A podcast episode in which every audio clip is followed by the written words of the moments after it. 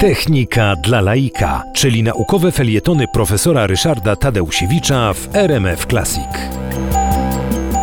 Była mowa w y, tych naszych spotkaniach o dwóch panach, o Kasiewiczu i Koperniku, wielkich, wielkich y, uczonych polskich, no ale kolej teraz na damę. Maria Curie-Skłodowska to bardzo, bardzo y, znana osoba. Mamy świadomość tego, że nasza wielka rodaczka rzeczywiście zasłużyła się w nauce światowej.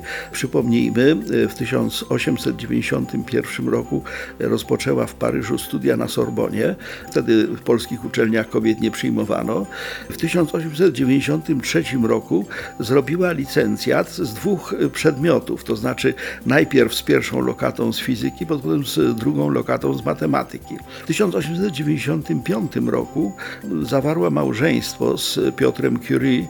Było to bardzo zgodne małżeństwo i niesłychanie produktywne intelektualnie, naukowo. Odkryciem, które Marie Curie uczyniło no, powszechnie znaną na świecie i otworzyło jej drogę do nagrody Nagrody Nobla było odkrycie dwóch pierwiastków, pierwszych pierwiastków promieniotwórczych. W ogóle badania promieniotwórczości zainspirowane przez promotora doktoratu Marie Curie Becquerela były tą podstawą do tego odkrycia.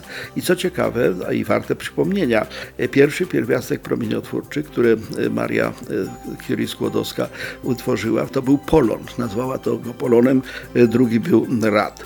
Otrzymała Nagrodę Nobla z fizyki w 1903 roku i potem z chemii w 1911 roku. Dotknęła ją prywatna tragedia, mianowicie w 1906 roku Piotr Curie zginął w wypadku drogowym, potrącony przez no, wóz konny. Wobec tego można powiedzieć, że zginął w komunikacyjnym wypadku. Córka Irena Marii Skłodowskiej-Curie też była noblistką, otrzymała w 1935 roku też Nagrodę Nobla z fizyki. Druga córka z kolei pisała bardzo ciekawe i piękne książki i działała społecznie. Maria Curie była pierwszą kobietą, którą pochowano w Panteonie, w miejscu, gdzie Francuzi chowają swoich najwybitniejszych przedstawicieli. Natomiast, co może warto na koniec powiedzieć, mianowicie jeden z moich poprzedników na stanowisku lektora AGH, Walery Gettel, był żonaty z Marią Skłodowską, bratanicą y, noblistki.